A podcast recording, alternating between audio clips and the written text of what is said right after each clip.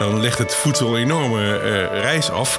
Terwijl het eigenlijk waarschijnlijk om de hoek verkocht wordt als het gaat om onze eigen gemeente. Maar waar wij vooral trots op zijn hier, is dat we verschillende bomen hebben. En juist die verschillende bomen dragen bij aan biodiversiteit.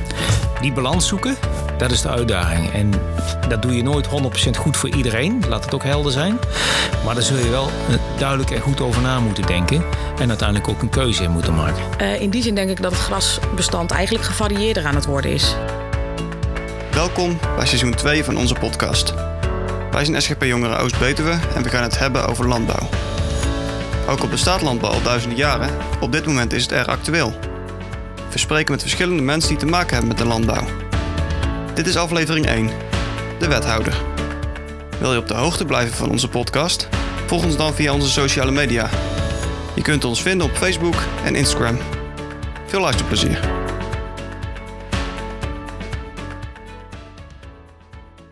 Nou, van harte welkom bij deze podcast. En dit is de eerste in de serie over uh, landbouw. Nou, we zijn hier bij wethouder van Zomeren op de Kamer in het gemeentehuis. En meneer van Zomeren, kunt u misschien wat over uzelf vertellen? Jazeker. Ja, welkom. Uh, leuk dat uh, ik deze uitnodiging heb gekregen. Uh, ik ben dus Stefan van Zomeren, wethouder in de gemeente Neder-Betuwe. Ik woon zelf in IJzendoorn, getrouwd, geen kinderen. Woon hier al sinds 2003. En sinds 2018 ben ik wethouder in deze gemeente namens de VVD-fractie. En we zitten al vier jaar in een coalitie met de SGP en het CDA. En ik ben van verantwoordelijk vanuit het college voor de portefeuilles Economische Zaken, uh, voor beheer openbare ruimte, uh, handhaving. Uh, en ja, als je dan kijkt naar landbouw specifiek, ja, dat valt voor de economische component valt dat binnen mijn portefeuille inderdaad. En daarnaast, ja, vanuit duurzaamheid en, en milieu heb ik nog een stukje daarin. Denk bijvoorbeeld aan geurrichtlijnen en dergelijke. Ja, en dan uh, ja, gelijk dat stukje met de landbouw. Uh, merkt u daarin eh, veel verschil van wat u kan betekenen voor de, voor de landbouwers? Of hoe? Nou, kijk, een groot deel van wat er speelt met de landbouw, eh, en dan praat je met name de, de, de, de fruitteelt en de laanboomteelt, dat is toch eh, de, de grootste sectoren in onze gemeente. Um, heel veel zaken spelen met betrekking tot ruimtelijke ordening. Hè. Iedereen is op zoek naar meer ruimte voor te kunnen ondernemen. Um, als je praat over vergunningen, ja, dan zit je toch heel vaak ook met milieuvergunningen. En daar is eigenlijk de provincie bevoegd gezag. Um, en als je kijkt naar uh, ja, hindercirkels uh, voor geur en geluid, ja, dat is vaak een, een, een ruimtelijke ordening aspect. Dus als je echt puur praat over de economische kant, dan is het ja, de, de, behoefte aan meer ruimte om te kunnen ondernemen. Maar ja, dat is vaak gekoppeld aan het kunnen verwerven van een grondpositie. dus ja, daar, daar gaat het dan in de praktijk op. Maar daar heeft de, de gemeente een hele ondergeschikte rol in. Wat we wel op dit moment als gemeente aan het doen zijn, is om te kijken van ja, um, het buitengebied is nu uh, zeg maar uh, RO-technisch voorbehouden aan de agrarische sector, eh, omdat die ook het uh, grondgebonden gebruik hebben. denk aan de kwekerijen. En dat is natuurlijk gaandeweg aan het veranderen. Je ziet steeds meer nevenactiviteiten van, van agrariërs, van landbouwers. Uh, dus we zijn nu samen met uh, mijn collega Nees van Wolfswinkel, die dan verantwoordelijk is voor ruimtelijke ordening, uh, vooral aan het kijken van ja, hoe ontwikkelt zich dat naar de toekomst toe en wat betekent dat dan voor de inrichting van de openbare ruimte? En daar ben ik natuurlijk wel nauw bij betrokken vanuit de portefeuille Economische Zaken. Ja, en moeten we dan vooral denken aan bijvoorbeeld de fruitstalletjes aan de straat of waar moeten we dan ook, concreet aan denken? Ja, ik denk aan fruitstalletjes inderdaad, maar ook aan recreatief gebruik. Hè? Dus de, de, de, het kamperen bij de boer of uh, het verkopen van producten uh, op, het, op het land. Dus niet alleen fruitstalletjes, maar ook andere producten. Dat staan we ook toe in beperkte mate. En dat is weer gunstig voor de korte ketens. Ik bedoel, hoeven de producten niet eerst naar een, een, een, veiling... en vervolgens naar een distributeur, naar een landelijk warenhuis... en dan vervolgens weer naar de supermarkt. Dan legt het voedsel een enorme reis af. Terwijl het eigenlijk waarschijnlijk om de hoek verkocht wordt... als het gaat om onze eigen gemeente. Nou ja, dat kan slimmer. En dat zie je steeds vaker ook. Dat boeren gewoon hun producten rechtstreeks aan de man brengen. Uh, en met internet is het ook een stuk makkelijker geworden. Uh, iedereen kan zijn eigen webwinkeltje maken. Uh, en, en mensen vinden het ook leuk om producten eh, bij bedrijven uit de buurt te halen. Dat zijn vaak ook, zeker in een plattelandsgemeente als Neder-Betuwe, iedereen kent iedereen. En mensen willen ook gewoon tegenwoordig veel vaker weten van waar komt nou mijn kaas of mijn vlees of mijn fruit, waar komt dat vandaan? Ja.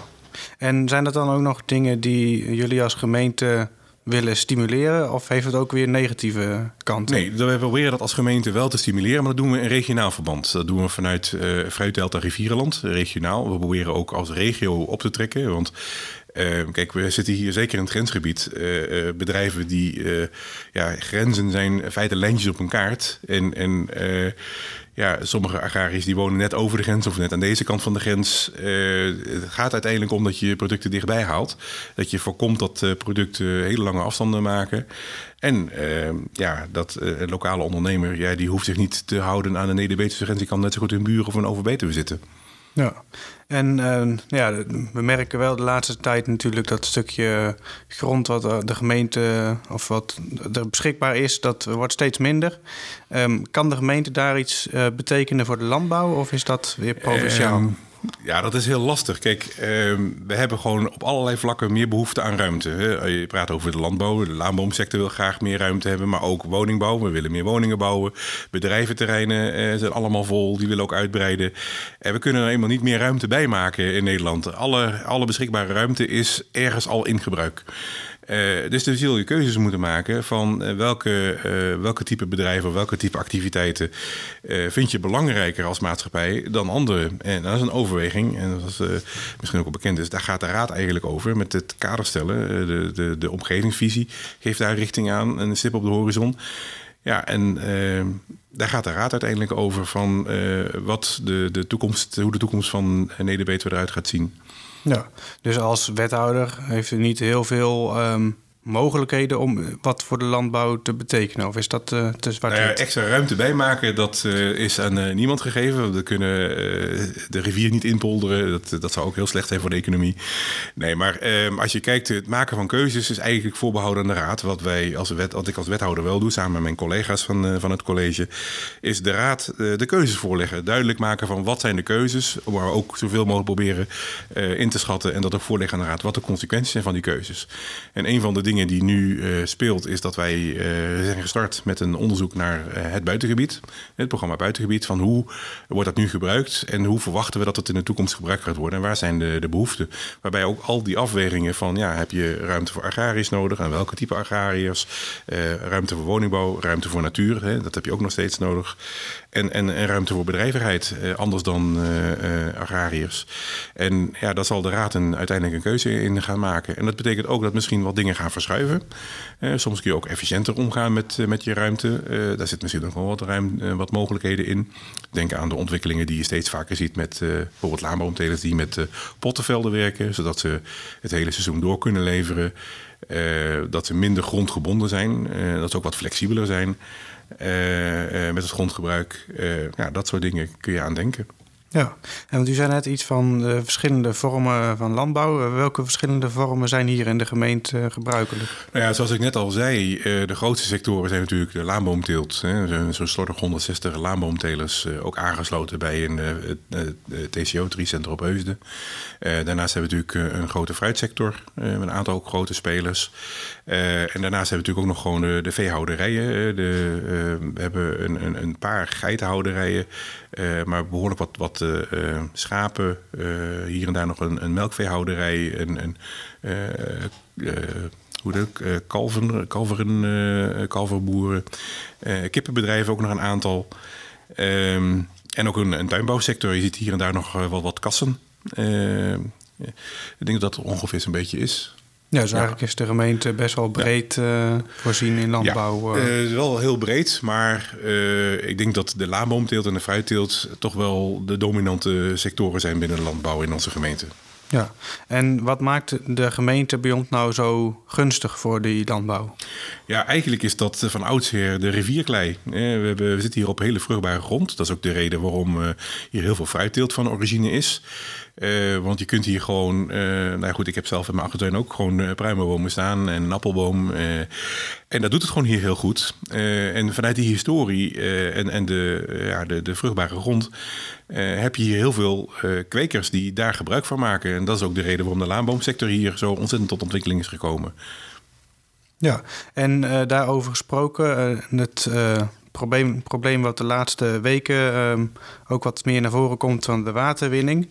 Heeft de gemeente daar een uh, rol of standpunt in? Nou, er zijn twee problemen die spelen. Eén is zeg maar, eh, vanuit ook mijn portefeuille de, de, de problemen rondom klimaatverandering. We merken ook dat uh, zeker de afgelopen maand is het een hele droge maand geweest. En dan zie je ook gewoon lage grondwaterstanden, uh, beregeningsproblemen. Ehm, ja, dat is iets waar je rekening mee moet houden. Waar we ook samen de sector optrekken om te kijken van hoe kunnen we dat nou het beste het hoofd bieden. De sector is daar zelf natuurlijk ook al heel erg druk mee bezig met efficiëntere vormen van berekeningen. Dus met, met druppelberekeningen in plaats van over het land heen sproeien, waardoor ze het waterverbruik verminderen. Um, en dat is iets waar we met z'n allen rekening moeten houden. Langere droge periodes, maar ook langere natte periodes, waarbij je juist weer heel veel water hebt. En uh, na moet denken van hoe zorg ik ervoor dat het water op een goede manier wegvloeit. Maar ook dat het water wordt opgenomen weer in de grond, zodat je in droge periodes daar weer gebruik van kunt maken. En daarnaast heb je natuurlijk nog het, wat er nu op dit moment speelt, het drinkwatervoorzieningprobleem. Vitens heeft laatst ook in de krant uh, een stukje laten, uh, nou ja, een stukje in de krant verschenen van de provincie en Vitens, dat ja, de drinkwaterreserves ja, onder druk staan. En de provincie heeft een reservering gedaan op een aantal gebieden, ook in onze gemeente, voor drinkwatervoorziening. En ja, dat heeft nogal wat commotie los, losgemaakt omdat dat um, ja, een behoorlijk beslag legt op de, op de ruimte. Een heel groot deel van de gemeente beslaat dat. Uh, en het probleem is hier dat ze die reservering doen, maar die reservering komt met heel veel beperkingen. En die beperkingen duren vrij lang. En wat ik dan heel jammer vind, is dat de provincie dat heel sectoraal heeft benaderd. Dus alleen maar vanuit het problematiek vanuit uh, drinkwatervoorziening. Terwijl het gebied ook wordt gebruikt voor de agrarische sector. Maar ook, uh, denk bijvoorbeeld in het stedelijk gebied, waar we nu al steeds meer aardwarmte toepassen, geothermie. En bedoel ik niet alleen de diepe geothermie, maar ook de, datgene wat we doen met, met warmtepompen. Want dat moet ook allemaal van gas af. Maar ook uh, denk aan het slaan van, van, uh, van putten voor beregening. wat je nog steeds nodig hebt, wat, uh, waar beperkingen op komen. Maar ook zoiets als windmolens. Windmolens die hebben een, een diepe fundering nodig. Ja, er zijn ook beperkingen van hoe diep je de grond in mag gaan. En uh, wat ik dan jammer vind, is dat uh, de provincie, maar dat geldt eigenlijk voor hogere overheden in het algemeen, dat ze dat te weinig integraal benaderen. Eh, en dat, is, uh, dat zie je dus ook nu in de zienswijze. Want de gemeente NEDB2 heeft een zienswijze ingediend. Maar ook uh, de, de, ondernemers, maar ook de laanboomsector heeft daar een, zienswijze op ingediend. Daar hebben we zelfs bij geholpen om een, een, zienswijze in te dienen bij de provincie. En naar ik heb gehoord zijn er een kleine 200 zienswijzen ingediend. En dat had de provincie ook weer niet, niet verwacht. Dus er is nog een redelijke kans dat de provincie toch overstag gaat... Ja, dat vind ik heel lastig inschatten. De provincie is wel bevoegd gezag in deze. Uh, maar die zal wel aan de bak moeten om uh, op basis van een zienswijze te kijken van hoe ze daarmee om willen gaan. En hoe ze. Uh, ja, ze hebben behoorlijk wat weerstand opgeroepen door het op deze manier te doen. En daarbij de betrokken partijen eigenlijk te weinig te betrekken. En te weinig integraal ehm, deze problematiek te benaderen. Ja, dus het is eigenlijk nu wachten op wat de provincie concreet gaat aanpassen. Nou de provincie die zal uh, op basis van de zienswijze een zienswijze nota maken... waarin ze ingaan op de diverse uh, punten die zijn, zijn, ingebracht... door de verschillende partijen die een zienswijze hebben ingediend. En dan uh, zullen ze op basis daarvan het plan wellicht aanpassen. ja, dat is aan de provincie om dat te bepalen. En als ze dan het aangepaste plan... zullen ze waarschijnlijk ter goedkeuring voorleggen aan de Provinciale Staten... Uh, en dan kunnen we opnieuw nog uh, bepalen of wij daar onze zienswijze voldoende is in verwoord. Nou, en als dan het besluit wordt genomen en we zijn het er nog steeds niet mee eens, nou, dan kunnen we vervolgens daar weer bezwaar tegen aantekenen. Ehm, als dat, als dat nodig is. Maar dat is heel erg op de zaken vooruitlopen. Dus voorlopig moeten we eerst even afwachten wat de provincie doet met de zienswijze. Kijken hoe ze de opmerking die we hebben gemaakt verwerken. En dan kijken we van daaruit weer verder. Ja. Maar nou, je merkt ook gewoon, eh, er zijn, uh, nou ja, er zijn zelfs actiecomité's en acties. Er is een hele campagne opgezet. Dus het heeft nogal wat losgebracht. en dat staat even los van de nut en noodzaak van een drinkwatervoorziening. Hè. Ik, bedoel, dat, ik wil nergens ja, ontkrachten dat drinkwater niet belangrijk is. Want drinkwater is wel degelijk belangrijk. Alleen ik vind het gewoon belangrijk dat je, als je zo'n reservering doet, dat je dan alle belangen afweegt op een zorgvuldige wijze. En dat nou ja, het feit dat er zoveel dienstwijzen ingediend zijn, uh, kun je toch wel stellen dat de, ja, die belangenafweging aan de voorkant onvoldoende is geweest. Ja, nee, dat, uh, zo klinkt het inderdaad uh, wel. En dan een heel um, ander onderwerp. Het stukje van de, hoe um, kunnen de landbouwers door de gemeente geholpen worden, bijvoorbeeld met vergunningen? Zijn daar mogelijkheden of is dat uh, lastig? Nou ja, kijk, uh, vergunningen worden uh, in onze gemeente, en trouwens voor alle gemeenten in Rivierenland, nee, niet allemaal, bijna alle gemeenten in Rivierenland afgewikkeld door de Omgevingsdienst Rivierenland, de ODR. daar hebben we het ook gewoon aan gedelegeerd. en de ODR doet dat in opdracht van, van de gemeente, in dit geval gemeente Neder-Betuwe. Ehm, ja, dat, dat gebeurt grotendeels buiten het, uh, het, uh, het zicht om van, uh, van, van het college. We zijn natuurlijk wel daar verantwoordelijk voor. Maar dat is gewoon op basis van vastgesteld beleid. het het VTH-beleid, de vergunningverlening, toezicht en handhaving.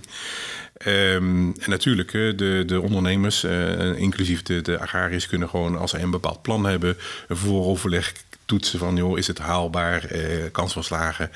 Uh, en op het moment dat, uh, nou ja, dat ze uh, dat hebben gedaan, kunnen ze gewoon een definitief plan indienen. Daar moet je ook weer leges voor betalen. Zo'n plan wordt dan beoordeeld en op basis daarvan kan het uitgevoerd worden als het een positief oordeel heeft.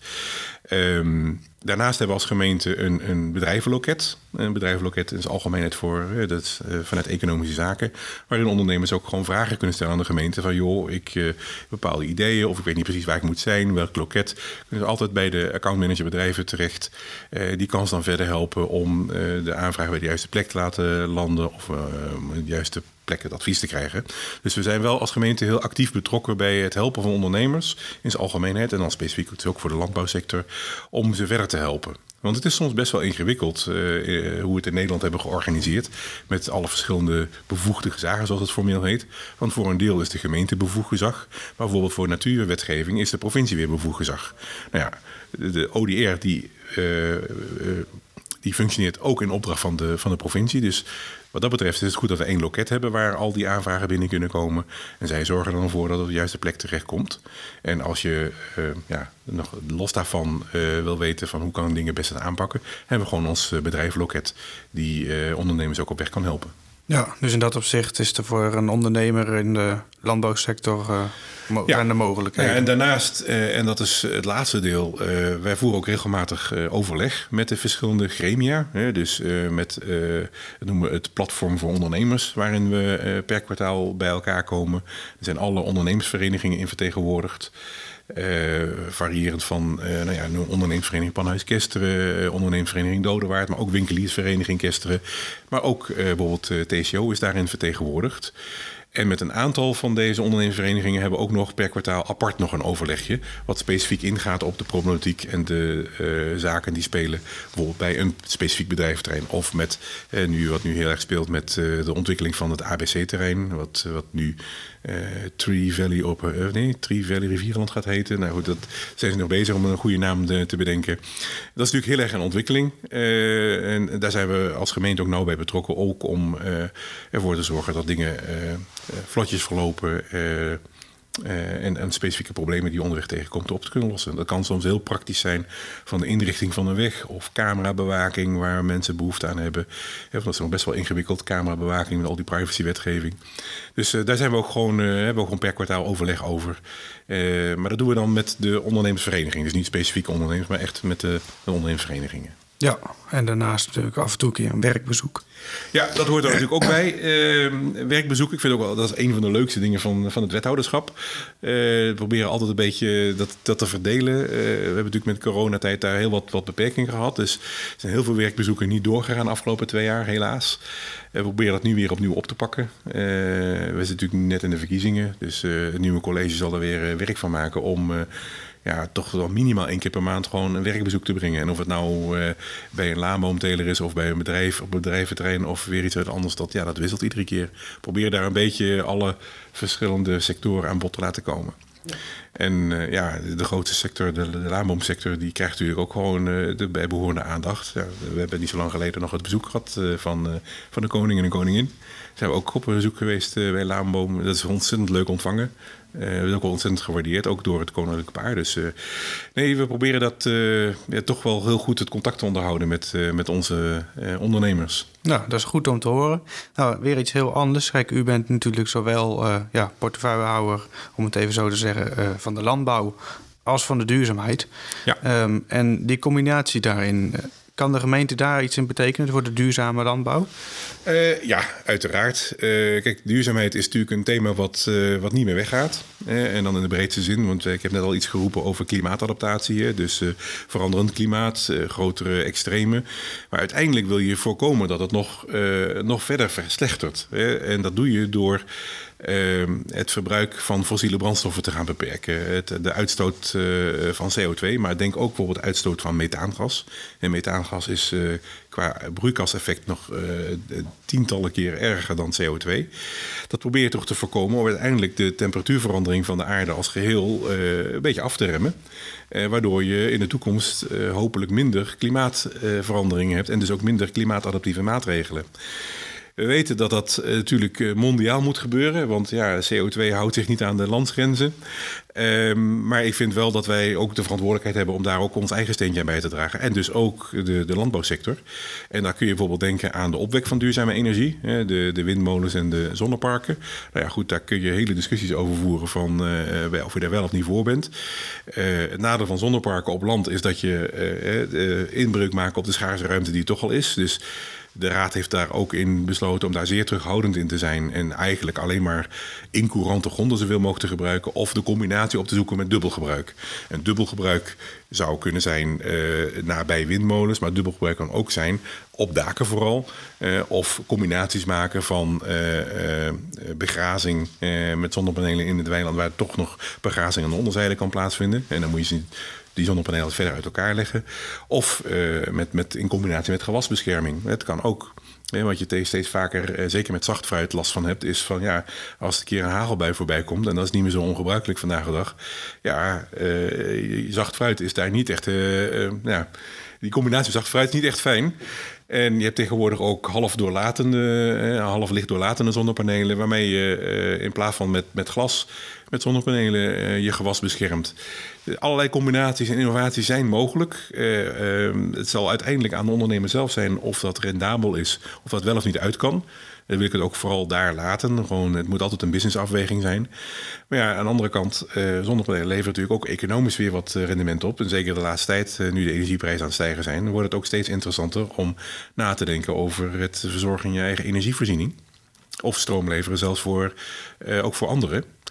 En er komt nog bij, en dat is natuurlijk het laatste aspect, we horen het steeds vaker dat uh, het probleem van netcongestie, hè, dus de netwerkbedrijven die moeite hebben om uh, zeg maar voldoende capaciteit bij te bouwen om al die opgewekte stroom te kunnen verwerken. Maar dat wordt nu inmiddels zo erg dat ook steeds meer uh, we last gaan krijgen van netcongestie, ook in het leveren van stroom. En die wordt de komende jaren best spannend. Want dat betekent namelijk dat bedrijven die willen uitbreiden... Eh, niet meer klakkeloos ervan uit kunnen gaan... dat zij ook de bijbehorende stroom groeibehoeften ook maar zomaar uit het netwerk kunnen krijgen. Dat Liander gewoon zegt van ja, sorry, maar er is op dit moment geen capaciteit meer voor levering. Dus we zullen ook moeten nadenken, steeds meer, dat uh, met de hele energietransitie, waarbij we van het gas afgaan en dit op een andere manier in onze energievoorziening moeten voorzien. Met daarbij ook nog eens elektrische voertuigen, elektrisch rijden, elektrische vrachtwagens. Wat een enorme hoeveelheid extra stroom vraagt. Van hoe we ervoor gaan zorgen dat wij uh, in onze energiebehoeften kunnen blijven voorzien. En dan moet je inderdaad denken aan zelf energie opwekken en de opgewekte energie uh, tijdelijk opslaan, zodat je hem ook kunt gebruiken op het moment dat de zon niet schijnt of op het moment dat het niet waait. En dat wordt nog best een uitdaging, maar ik denk dat onze ondernemers daar bovengemiddeld goed in zijn om daar goed over na te denken. Want ja, de bedrijfscontinuïteit is er straks van afhankelijk. En dat geldt ook voor de agrarische sector. Ja. En ja, natuurlijk, de simpele maatregelen van zonnepanelen optaken, nou, dat lijkt me redelijk voor de hand liggend. Um, maar daar heb je op dit moment echt letterlijk het probleem dat terugleveren aan het net heel ingewikkeld is. Ja, ik zou zeggen van uh, laat je daar nog niet weerhouden en denk nou over andere oplossingen. Want die energie die je opwekt heb je misschien straks zelf ook nodig als jij wil uitbreiden. En dat niet kan omdat Liander ook niet meer stroom kan leveren. Dus ik zou uh, ondernemers willen oproepen van zie het niet alleen als een bedreiging, maar zie het ook als een kans. Nou, dat is dan ook mooi misschien om naar een van de laatste vragen te gaan. Van, hoe ziet u eigenlijk de landbouw in deze gemeente over tien jaar? Oeh, dat is een hele moeilijke. Kijk, als ik heel goed zou zijn in de toekomst voorspellen, dan was ik misschien wel geen wethouder geweest. Maar uh, Nee, ik denk dat de. de uh, ik verwacht heel veel innovatie in de landbouwsector. Je ziet dat eigenlijk. Uh, het valt vaak niet zo op, maar die is er wel degelijk. Uh, denk aan wat ik net ook al zei: andere vormen van berekening, waardoor je minder water nodig hebt. Denk ook aan de opslag van water, zodat je eigenlijk niet meer afhankelijk bent van, van, van grondwater in, in droge periodes. Ik denk ook aan innovaties op het gebied van, van machines. Eh, steeds meer elektrische machines, uh, machines die op basis van accu's uh, dingen doen. Ehm, maar ik denk dat de landbouwsector niet weggaat. ik denk wel dat ze moderniseren. Misschien wat minder grond nodig hebben, wat minder, minder afhankelijk zijn van een specifiek stukje grond. Hè. Denk aan pottenteelt, waarbij de, de, grondgebondenheid wat, wat, wat losser wordt. Ehm, maar ik denk, zeker nu ook als je kijkt naar wat er mondiaal gebeurt, een oorlog in, aan de oostkant van Europa.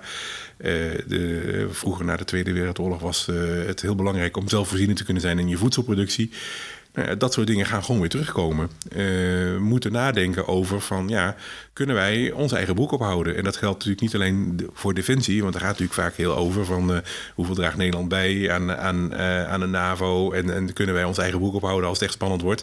Maar dat geldt ook voor onze voedselproductie, het geldt ook voor onze grondstoffen. Je hoort nu ook al verhalen van ja, onze voedseltoelevering wordt, staat onder druk, want Oekraïne is natuurlijk een, een, een groot landbouwland met heel veel graadproductie.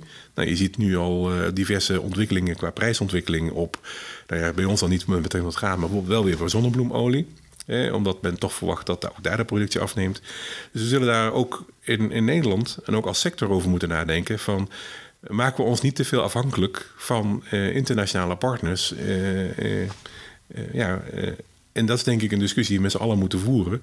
En ook weer een kans voor onze ondernemers om te kijken van ja, hoe kunnen we daarop inspelen. Ik zie al de eerste ondernemers daarop inspelen, die voorheen wel akkerbouw pleegden, maar met name voor veevoerproductie. Je ziet nu al een aantal ondernemers zeggen van ja, misschien moet ik wel op het komend jaar zelf eh, graan gaan verbouwen, omdat ik verwacht dat de graanprijs omhoog zal gaan, omdat Oekraïne misschien wel helemaal niet kan leveren. Want het zijseizoen is inmiddels begonnen. Eh, en als daar onvoldoende wordt gezaaid, wordt er later dit jaar onvoldoende geoogst ja, ondernemers, ondernemende uh, agrariërs kunnen daar nu al op inspelen. Het zal bij ons misschien wat minder spelen, omdat wij hier niet zo heel erg veel aan landbouw in de zin van uh, eigen voedselproductie doen. Maar dat is wel een, een, een keuze. Ja, en dan uh, tenslotte, ik meestal op het eind, dan vragen we altijd even een vraag van hoe moeten we nou iets met de jongeren, omdat wij natuurlijk ook de SGP jongeren zijn. En daarom, wat adviseert u eigenlijk beginnende agrariërs? Um, Oeh. Dat is een ingewikkelde vraag. Ik zou eigenlijk ondernemers gewoon vragen om te blijven ondernemen. Uh, en gewoon te kijken, niet alleen datgene wat ze nu doen, maar hoe de omgeving aan het ontwikkelen is. En welke kansen en bedreigingen er zijn en daarop in te spelen. Uh, ik wil niet op de stoel van de ondernemer gaan zitten, uh, want ondernemers kunnen dat prima zelf. Ehm, maar laten we met elkaar in gesprek blijven dat op het moment dat er bepaalde ontwikkelingen zijn en ondernemers een bepaalde richting uit eh, willen gaan, dat ze ook uh, met de overheid samen optrekken om te kijken hoe we dat dan op de beste manier kunnen realiseren. Zodat we ja, synchroon blijven gaan en niet uh, tegen elkaar in zitten te werken. Uh, dat doen we hier in, in, op kleine schaal in Nederland, denk ik wel heel goed.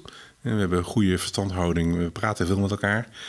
Uh, en ik denk dat als we elkaar daarin kennen en elkaar helpen, dat we heel ver kunnen komen. Maar specifiek advies van wat je zou moeten doen, ja, uh, ik denk dat een ondernemer dat zelf wel veel beter weet. Ja. Dus ik wil ook vooral die vrijheid aan ondernemers gunnen om te kunnen ondernemen. En daar waar ze tegen beperkingen aanlopen, hoor ik dat graag. En dan kunnen we samen kijken van of en wat we daar dan tegen kunnen doen.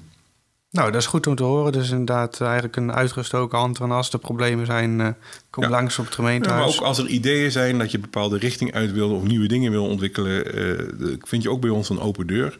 Uh, zeker met, wat ik net ook zei, met energietransitie. We hebben in Nederland heel veel regeltjes. wetgeving, energiewet zitten soms ook in de weg. En we zijn ook nu concreet met ondernemers in gesprek om te kijken van ja, kunnen we bijvoorbeeld met de experimenteerruimte die het ministerie van Binnenlandse Zaken biedt, toch die, uh, die wetgeving die nog achterloopt op de realiteit. Uh, tijdelijk omzeilen om dingen te doen die nodig zijn, maar die nu wettechnisch nog niet mogelijk zijn of nog niet mogen. Dus ik ben graag in gesprek met ondernemers om te kijken van wat ze willen doen. en als dat in lijn is met datgene wat we met z'n allen willen bereiken, maar nog door regeltjes worden tegengehouden, laat het horen. Eh, bij mij heb je altijd een luisterend oor. En dan kunnen we samen kijken of en hoe daar iets eh, eh, mee te doen is.